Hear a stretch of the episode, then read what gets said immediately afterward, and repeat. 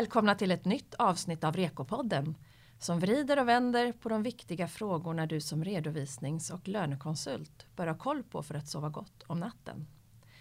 Idag är vårt fokus framtiden. Vad gör egentligen framtidens redovisningskonsult? Vi som leder samtalet är jag, Pernilla Halling, chefredaktör för Fars tidning Balans och Camilla Karlsson som är auktoriserad redovisningskonsult på FAR. Och eh, med oss i studion har vi Jan Söderqvist, Vismas branschexpert inom redovisning och revision. Och eh, han sitter också med i FARs jury för årets framtidsbyrå. Välkommen Jan! Tack så mycket, det är jätteroligt att vara här ska jag säga. Kul att ha dig här. Mm. Um, ni har ju, eh, Visma har ju gjort en, en, undersökning som visar att var tredje redovisningsbyrå i Sverige lägger mer tid på rådgivning idag än för två år sedan. Um, och att ännu fler tror att efterfrågan på rådgivning kommer att fortsätta öka. Men samtidigt så visar den här undersökningen att varannan byrå ännu inte har vidtagit några åtgärder för att möta utvecklingen. V vad, vad är det för, varför är det så här? Eh, för det första kan jag börja på att kommentera, Visma har faktiskt också gjort en annan undersökning mm. kopplat då just till detta. Vi började med en undersökning där vi frågade företagarna mm. vad faktiskt företagarna efterfrågade. Mm. Och, och, den undersökningen visade klart och tydligt att företagare efterfrågade i högre grad rådgivning. Eh, de ville prata mer framtid än dåtid till exempel. Mm. Och en del av den här rådgivningen som kommer att bli, blir ju mycket för att kunna rådgiva om just framtiden istället för att titta på historisk information som man gör idag. Mm. Den informationen har ju inte mycket värde för företagaren egentligen. Utan det som har värde för företagaren det är att man utgår från en realtidsbaserad information. Man ger råd om hur företagaren ska agera framåt för slutligen uppnå de mål som företagaren har satt. Mm. Och det är ju det egentligen den möjligheten den här digitaliseringen faktiskt ger då. Redovisningsbyråerna kan ge realtidsbaserad information mm. och prognoser. Eh, men då för att återvända, och det följdes ju av den här andra undersökningen då egentligen, alltså hur väl förberedd är redovisningsbyråerna på att eh, ställa om till den här rådgivningen. Mm. Och det är jättepositivt att över 50 procent av konsulterna eh, ser sig själva som rådgivare mot kunderna. Och många har också förberett sig och många säljer idag mer rådgivning än vad de gjorde tidigare. Mm. Eh, och, och, det tycker jag är jättebra för det visar ändå att man har satt ett fokus på detta, att man är medveten om detta, att det här är någonting som man faktiskt också måste eh, agera för att bli bättre på helt mm. enkelt. Vad som kanske oroar mig lite är att 70 utav, i den här undersökningen, 70% av de svarade ansåg sig extremt väl förberedda för att möta den här framtiden. Ja. Och eh, där kan jag själv, kanske då känna att jag tror att man har överskattat sig själv lite. Har man inte riktigt förstått vad Nej, det är? jag tror inte man kanske? har riktigt, riktigt förstått vad den här rådgivningen är. Därför att vi håller ju mycket föredrag för redovisningsbyråer. Mm. Eh, vi träffar många redovisningsbyråer och när det kommer till just den här rådgivningen så är det faktiskt den största utmaningen för dem i framtiden. De vet inte vad de ska rådgiva om. De vet inte hur de ska rådgiva. Och, och, man har egentligen, man, man står nästan som i ett tomrum här egentligen på hur man ska agera här. Är det det som är svaret då kanske att man inte vet vad man ska göra?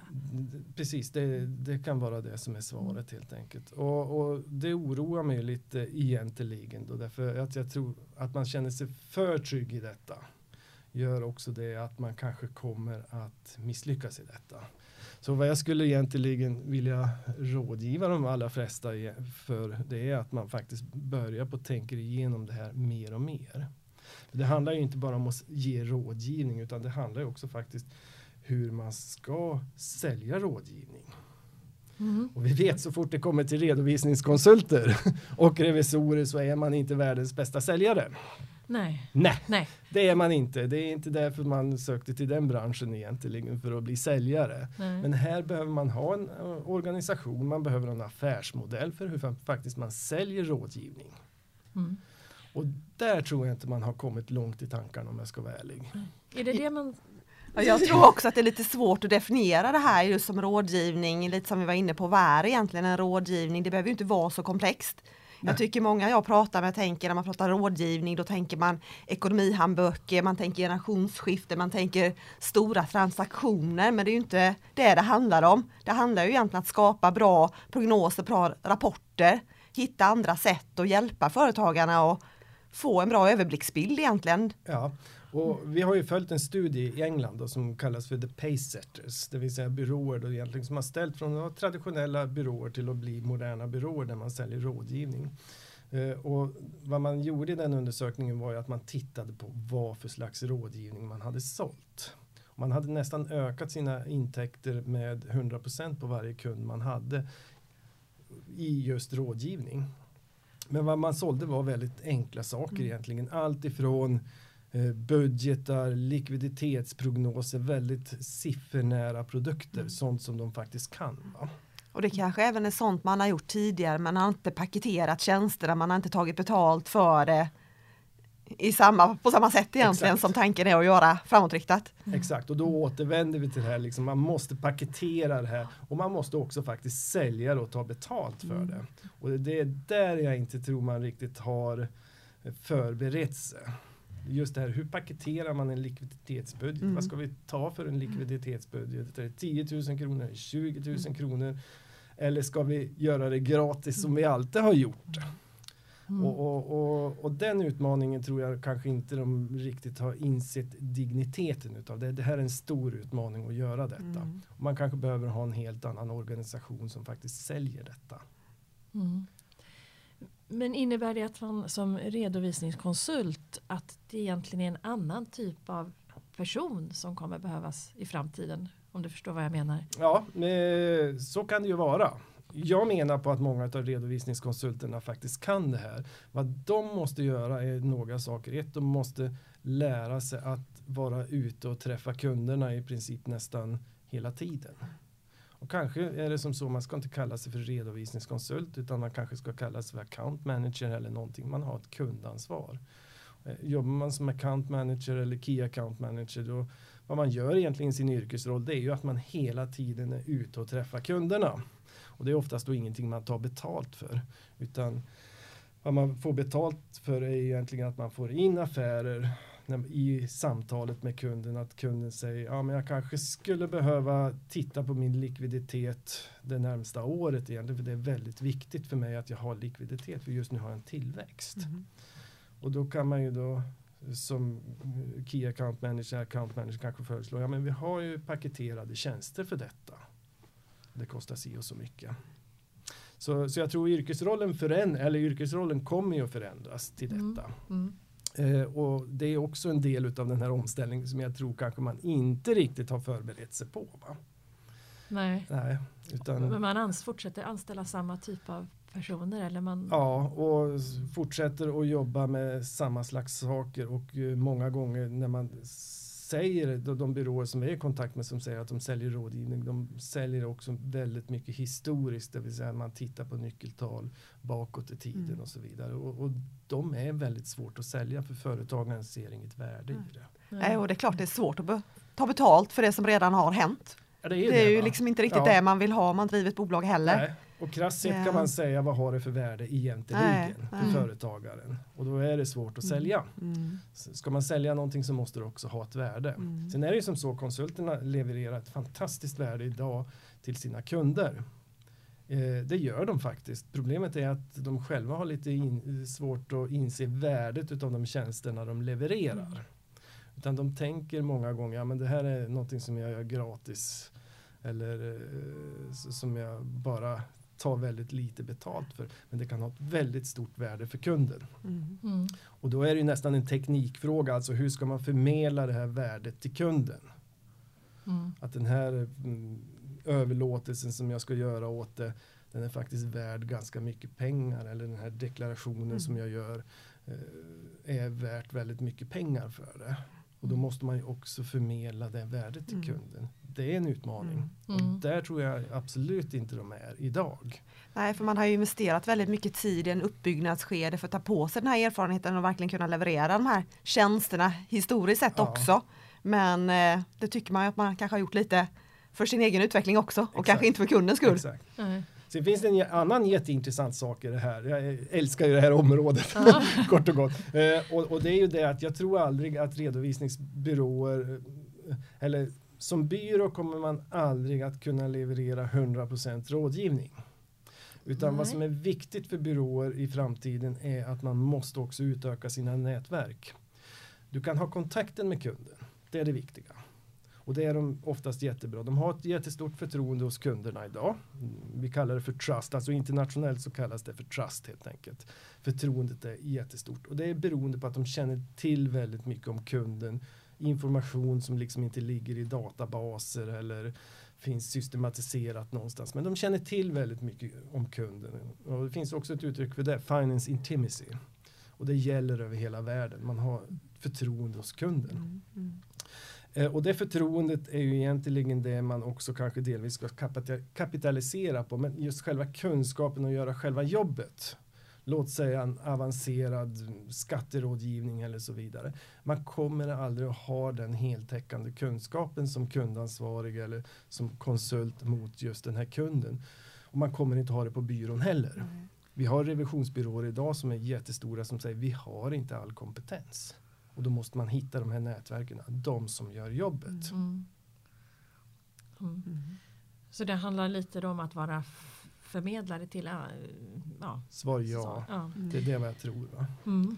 Och, och, och, och där måste man också bli bättre. Man måste bredda sina nätverk. Man måste samarbeta med de som är duktiga på saker och kan ge den här rådgivningen. Och det är också ett förtroende rent mot kunden när kunden ringer och frågar att vem kan du rekommendera hjälpa mig med den här tjänsten? Ja. Då har man ju skapat ett högt förtroende tycker jag när man kan förmedla en bra kontakt. Ja, ja. Mm. Tyvärr då så har de den uppfattningen, eller, och de har den uppfattningen att, att de ska ge ett svar på en gång. Mm. När kunden ringer och frågar om något jätteavancerat så ska de svara direkt. Aha. Mm. Ja. Eh, och, men, men så behöver det ju inte vara utan som kundansvarig då egentligen är att okej jag löser det här problemet, jag återkommer med ett förslag. Mm. Jag kan inte svara just nu. Mm. Men det här som har varit inne på med att ändra sin affärsmodell. Mm. Vad, vad, varför är det så svårt? Varför gör man inte bara det? Eh, jag tror att man har eh, fastnat i digitaliseringsträsket helt enkelt. Och vad menar du med det? Det menar jag på det att eh, vi har ju alla, eller alla säger att nu måste vi digitalisera, digitalisera, Mm. digitalisera, annars är det inte modern helt enkelt. Och tyvärr så är det som så att ju mer du digitaliserar desto mer marginaler tappar du. Det kostar också väldigt mycket i investering, speciellt i tid. Eh, och eh, vad man också upptäcker när man digitaliserar är ju att det inte fungerar som förut. Mm. Nej. Eh, det fungerar aldrig som förut kan jag säga. Och man blir frustrerad. Eh, man tappar lönsamhet. Personalen blir missnöjd eftersom eh, saker tar längre tid helt enkelt. Varför tappar man i lönsamhet? Eh, det ena är ju att man lägger ner mycket tid på att lära sig systemen. Mm. Det andra är att eh, det tar ett tag att bli effektiv i nya system. Och många av de nya systemen är inte uppbyggd för de traditionella arbetsmetoderna. Därför tappar man lönsamhet. Och därför bör man egentligen då innan man gör detta är att man måste titta på sin affärsmodell. Först alltså först ja, affärsmodellen. ja, först affärsmodellen. Sen digitalisera. Ja, sen digitalisera och egentligen st- ställa om. Jag såg något uttalande nu från vdn på 24-7 Office. 24-7 Office är ju en modern programvara Mm. mm, som har lanserats nyligt i, i Sverige. Jag kommer inte ihåg hans namn. Han hade ett eh, ovanligt namn nämligen. Men även han sa det att det här kan ju bli en väldig fälla för byråerna om de börjar på digitalisera, investera i teknologi men de förändrar inte affärsmodellen. Mm. Mm. Och så, så, så, man måste fundera på detta först. Ja. Och det vet vi. Ja. Ja. Men man tar sig inte tid och sätter sig ner och diskuterar vilket, vilket håll man ska gå åt egentligen. Det är lite det du ser också när du är ute. ja, man saknar mål och strategier i sin verksamhet. Och speciellt, vad är det vi ska leverera? Varför ska kunderna välja just vår byrå Mm. i framtiden? Mm. Det har man inte funderat på. Och det är ju egentligen det som sätter affärsmodellen. Mm. Och det är väl lite för att ofta rullar det på, det går. Man har rätt så mycket kunder, det fungerar. Ja. Det flyter på som det har gjort historiskt sett. Precis, det flyter på och man, eh, man vissa utav dem har kanske en väldigt bra lönsamhet Mm. och eh, som då ägare till den här redovisningsbyrån och där man kanske känner att jag kommer att tappa hälften utav min lönsamhet om jag gör alldeles eh, för mycket så, så, så blir det naturligt, det är en utmaning alltså. Mm. Men, men än en gång, eh, det bästa sättet att tappa lönsamhet på är att kasta sig i för mycket teknik. Okej. Ja, Mm. och det vet vi. Mm. Mm. Ehm, eh, Men det gör man eller? Det gör händer? man. Ja. Det är det man gör. Man tycker tekniken ska lösa problemet Precis. åt en. Ja. Det är väl lite det Och- man hamnar Ja, i. Ja. Och, och, och det ser vi på, jättemycket på kommentarer som byråer skriver när vi gör undersökningar och så Mm. vidare. Vi vill hitta teknik som gör oss lönsamma, framgångsrika och bättra på vår omsättning. ja, det vore ju perfekt om man hade något sånt. Ja, precis. Ja, eller hur? Det- det-. Ja, precis. Den bästa tekniken. Ja. Ja, Mm. men det är standardteknik som finns Mm. och eh, det kommer inte att hjälpa. Det bästa sättet är liksom att fundera på hur ska vi bli den bästa byrån? Mm. Mm. Hur ska vi ta hand om våra kunder Mm.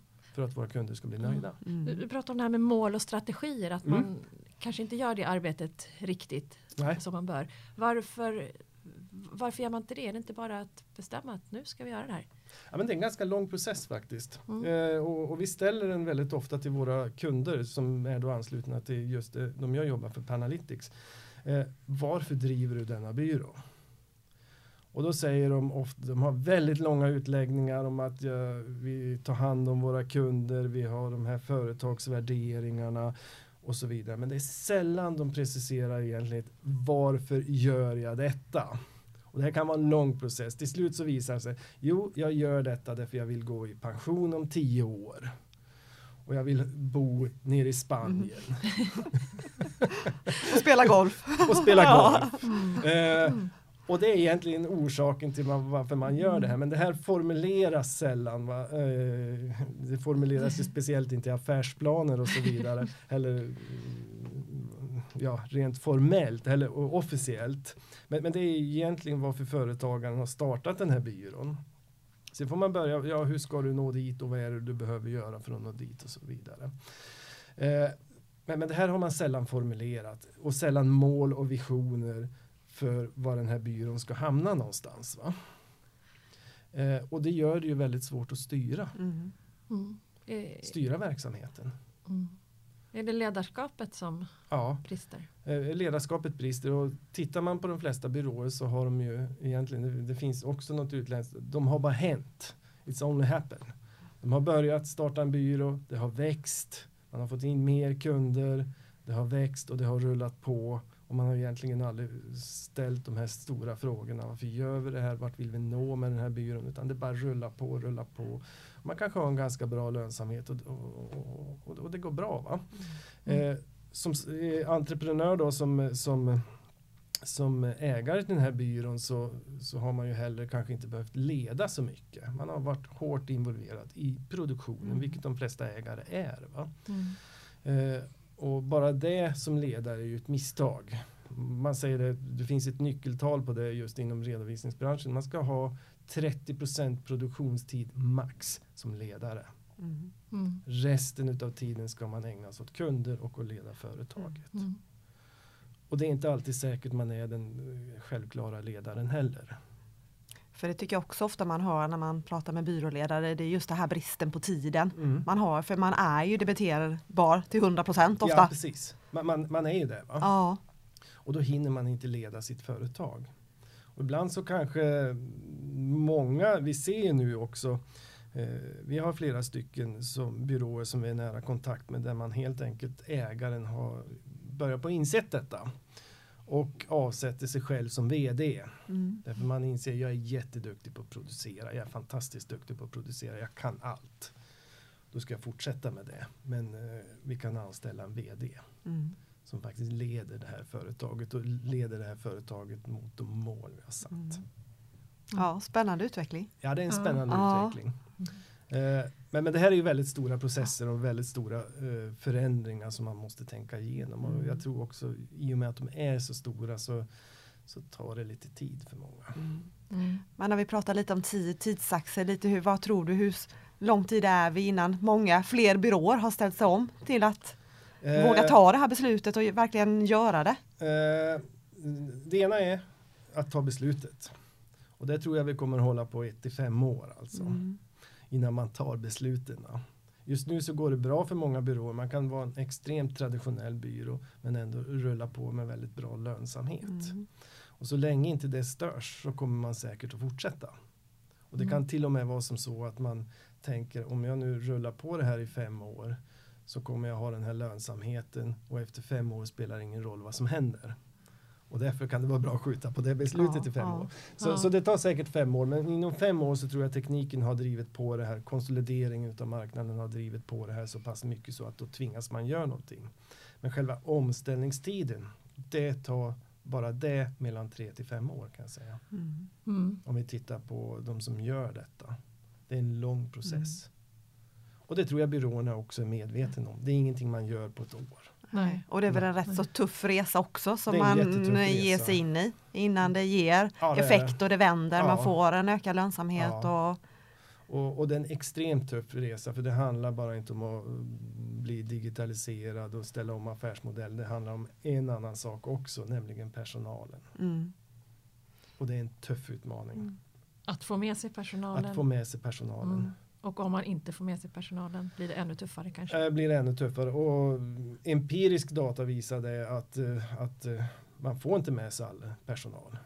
Därför många har jobbat med det här på det sättet och tycker vill fortsätta jobba på det här sättet och känner sig inte helt enkelt att de mår bra i den här nya världen. Nej. Nej. Nej. För klart det blir ju mer, hur eller hur, så blir ju jobbet mer teknikdrivet, det blir mycket integrationer, det är mycket appar, det är man, många sidosystem som Ja, ja. ska vara, det är viktigt att vi har bra uppsättningar för kunden för att kunden ska bli nöjd också. Ja. Mm.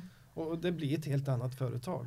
Och så jag har full respekt för de som säger nej men jag, jag, jag är duktig på det jag gör och jag känner att jag inte mår bra i detta. Eh, men, jag tror att det är viktigt att man då som ledare och ägare till en byrå har de här diskussionerna med sina anställda. Och vi vet byråer idag som helt enkelt har sagt att det kommer att ske en förändring. Ni får själv välja om ni ska vara med på det här tåget eller inte. Mm. Mm. Och, och, och det är ju ett bra ledarskap. Då, man måste ju också vara ärlig och säga att den här förändringen kommer. Om Ja. man har bestämt sig för det. Och det kommer att förändra allt. Mm. Helt enkelt. Hur, hur är, är trycket från kunderna då? Du säger att en, att en del väntar med att ställa om. Mm. Är det för att, för att det går? För att kunderna inte riktigt är, trycker på eller? Nej, det, det är också segmenterat här. Det naturligtvis pratar vi om unga människor så förväntar sig de att göra det mesta på mobiltelefonen. Det ska vara modernt och så vidare. Men majoriteten av våra svenska företag idag är företagare är ju trots allt ganska traditionella. Eh, De har en ganska traditionell byrå. Mm. De är jättenöjd med den byrån. De lämnar in sina pärmar och sina papper en gång i månaden eller en gång per år och så vidare. Och det fungerar jättebra för dem. Ja. Eh, och de tycker att redovisningskonsulten är fantastiskt bra och de har ett jättestort förtroende som sagt. Mm. Och, och därav så konsulten är ju inte den som driver på den här förändringen heller för det är en ganska stor process att få en väldigt traditionell kund och helt plötsligt byta allting. ja, men varför ska man göra det om kunden är supernöjd? Exakt, Det är det, ja. exakt. Eh, det, det, det finns liksom inga skäl va? Nej. Allting rullar på, allting Mm. går bra. Eh, och alla är jättenöjda. Varför ska vi då hamna i en situation där helt plötsligt någon blir väldigt missnöjd på båda sidor så att säga. Både Så- kunder och medarbetare. både kunder, Ja. medarbetare och sämre lönsamhet. Så, så, Nej, det, Nej, det blir inte bra. och, eh, sen då hur stor massan utav kunder då som faktiskt är så här, det, det har vi inga siffror på. Men vi pratar väl med väldigt många byråer som säger just detta. mm. Och, och det finns ju liksom inget att göra. Det är ju bara dumt att få dem att bli hypermoderna, digitaliserade, automatiserade för det kommer bara att leda till missnöje. Ja. Ja. Men det kanske vänder jättesnabbt. Plötsligt en dag så har vi den här superappen eller något. Ja. Så alla vill Eh, vara digitala. ja, ja, och- precis. Och, och, och det är det man kan nästan förvänta sig att det kommer att hända. ja. Mm. Därför det hände 1990 senast. Och då var det precis som, vi hade samma Vad händer då? Jo, eh, 1990 eller 89-90, det var precis ungefär när Windows lanserades på Aha. marknaden. Eh, och vad som hände då, det var det att innan dess så ägde byråerna alltid kunderna. De skötte redovisningen åt kunderna och så vidare. Helt plötsligt så, så dyker det upp på marknaden någonting, ett system som du kan köpa för en tusenlapp där du gör all Mm. din redovisning själv. Mm. Och det programmet, det var tre olika program egentligen. Det var Hogia, det var SPCS och det var Exor. Mm. Och företagarna börjar ju på att titta, hur mycket pengar lägger jag ner till min redovisningskonsult? Ja, det är ju 10 000 i månaden som jag lägger ner på det här arbetet. Alltså för att låta dem göra redovisning. Nu kan jag köpa ett program för tusenlappen här och helt plötsligt så gör jag all min redovisning själv. Mm. Eh, och eh, det här exploderade ju. Försäljningen utav program till företagare. Speciellt SPCS sålde ju tonvis med, med de här lådorna Mm. som man stod på mässorna. Alltså man kunde sälja för en miljon alltså på en mässa. Bara Mm. ge ut lådorna till företagare. Där. Och eh, det förändrade ju hela marknaden. Därför att företagarna bestämde sig då för att ja men då sköter vi vår redovisning själv. Jag sköter det själv eller jag anställer någon som gör det här. Mm. Eh, sen gick det ju tillbaka därför att de var inte så duktiga som de trodde. Nej. Det blev lika dyrt i slutändan ändå när det var Ja. dags för bokslut. Och Man skulle sitta och rätta alltihopa. Precis, då skulle de sitta och rätta så vi fick betala samma pengar ändå. Så 2000-talet så tog byråmarknaden över igen kan man säga. Eh, Men vad som händer nu då som, som man kan dra en liknelse till är ju det att det kommer väldigt mycket moderna appar. Mm. Och det kommer underifrån. Och vi har 830 000 enmansföretagare idag som är kopplade till en redovisningsbyrå. När de hittar en app som helt plötsligt löser allting. Och apparna är bättre idag, tekniken är bättre. Man kan göra ganska bra redovisning utan att kunna redovisning. Mm. Artificiell intelligens, machine learning, allt vad det nu heter. Va? Så kan man faktiskt i princip göra 100% redovisning i de här apparna, momsrapporter och allting. Och när det kommer riktigt bra appar som helt plötsligt är väldigt enkel, där allting är integrerat, så kommer företagarna kanske tänka, ja men det här är ju mycket bättre, det här är ju hur enkelt som helst. Så Mm. jag ser ju allting som händer i min app. Mm. Mm. Och det kan explodera och eh, ställa om hela marknaden på ganska kort tid. Och vad man har kvar då, då är det rådgivningen. Då är det rådgivning Ja. Mm. man har kvar. Mm. Ja. Men även, och, och för att återrelatera till det vi pratade om tidigare, då, Mm. så är det ju som så att även om redovisningen då sköts automatiskt så efterfrågar ju de här kunderna, även små kunder, efterfrågar någon form av hjälp. Mm. Ja, man måste ju Mm. ofta ha hjälp att tolka siffrorna och Ja, med vissa olika bitar självklart och Ja, lite precis. framåtriktat där också kan jag man, tänka mig. man, man behöver alltid ha hjälp i någonting. Ja. Alltså, hur ska jag nå de här resultaten? Hur, hur ska jag tänka här? Och jag vill köpa ett företag eller jag vill växa. Hur ska jag få Mm. tag på kapital? Och allt. Det finns massor med frågor här som byråerna kan hjälpa dem här med. Mm. Mm. Så, så fortfarande så har de ett existensberättigande fast det är rådgivning som gäller. Ja. Mm. Mm. Jätteintressant. Mm. Eh, vi skulle kunna prata om det här jättelänge. Oh känner jag. Eh, men tiden går. Eh, Ja. jag tänkte fråga, har du några supertips? Om man vill ta tag i det här som byrå, Ja. redovisningskonsult. Eh, tipsen är egentligen, eh, det första tipset, lägg tekniken åt sidan, fokusera på affärsmodellen och vad ni faktiskt ska leverera till era slutkunder. Varför ska kunderna välja er byrå? Det skulle jag vilja lägga som absolut första tips. Eh, också hur man ska lämna den här traditionella rådgivningen då man rådgiver om historisk information. Fokusera på rådgiva om realtids framtidsbaserad information. Mm. Eh, ska ni ha tillväxt på er byrå, det är inte alla byråer som vill det, men ska man ha tillväxt så ska man också se till att ha en bygga för att ha en exponentiell tillväxtmodell. Idag har man en linjär expons, äh, tillväxtmodell. Mm. Eh, men, men, men det är väldigt viktigt därför eh, man kommer inte kunna hitta redovisningskonsulter. Man måste hitta andra slags människor helt enkelt. Som kanske då inte pysslar med redovisning. Och vad kan det vara till exempel de pysslar med? Eh, det kan vara teknik till exempel. Mm, mm. Eller affärsprocesser, alltså hur fungerar processerna ute på ett företag. När man sätter igång ett system som Visma till exempel så måste man förstå alltså, vem är det som attesterar fakturorna, hur ser testreglementena ut, hur jobbar man på företaget, hur sker det med inleveranser och utleveranser, sådana som kan processerna ute på företaget. Mm. För det kommer att finnas kunder i framtiden. Det är bara att ta hand om dem men man måste bygga en affärsmodell för det. Mm.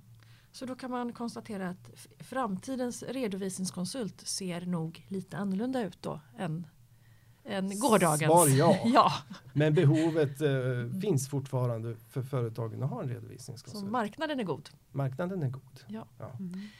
Bra, tack så mycket Jan för att du kom hit Mm. och eh, pratade med oss. Och eh, tack alla ni som har lyssnat.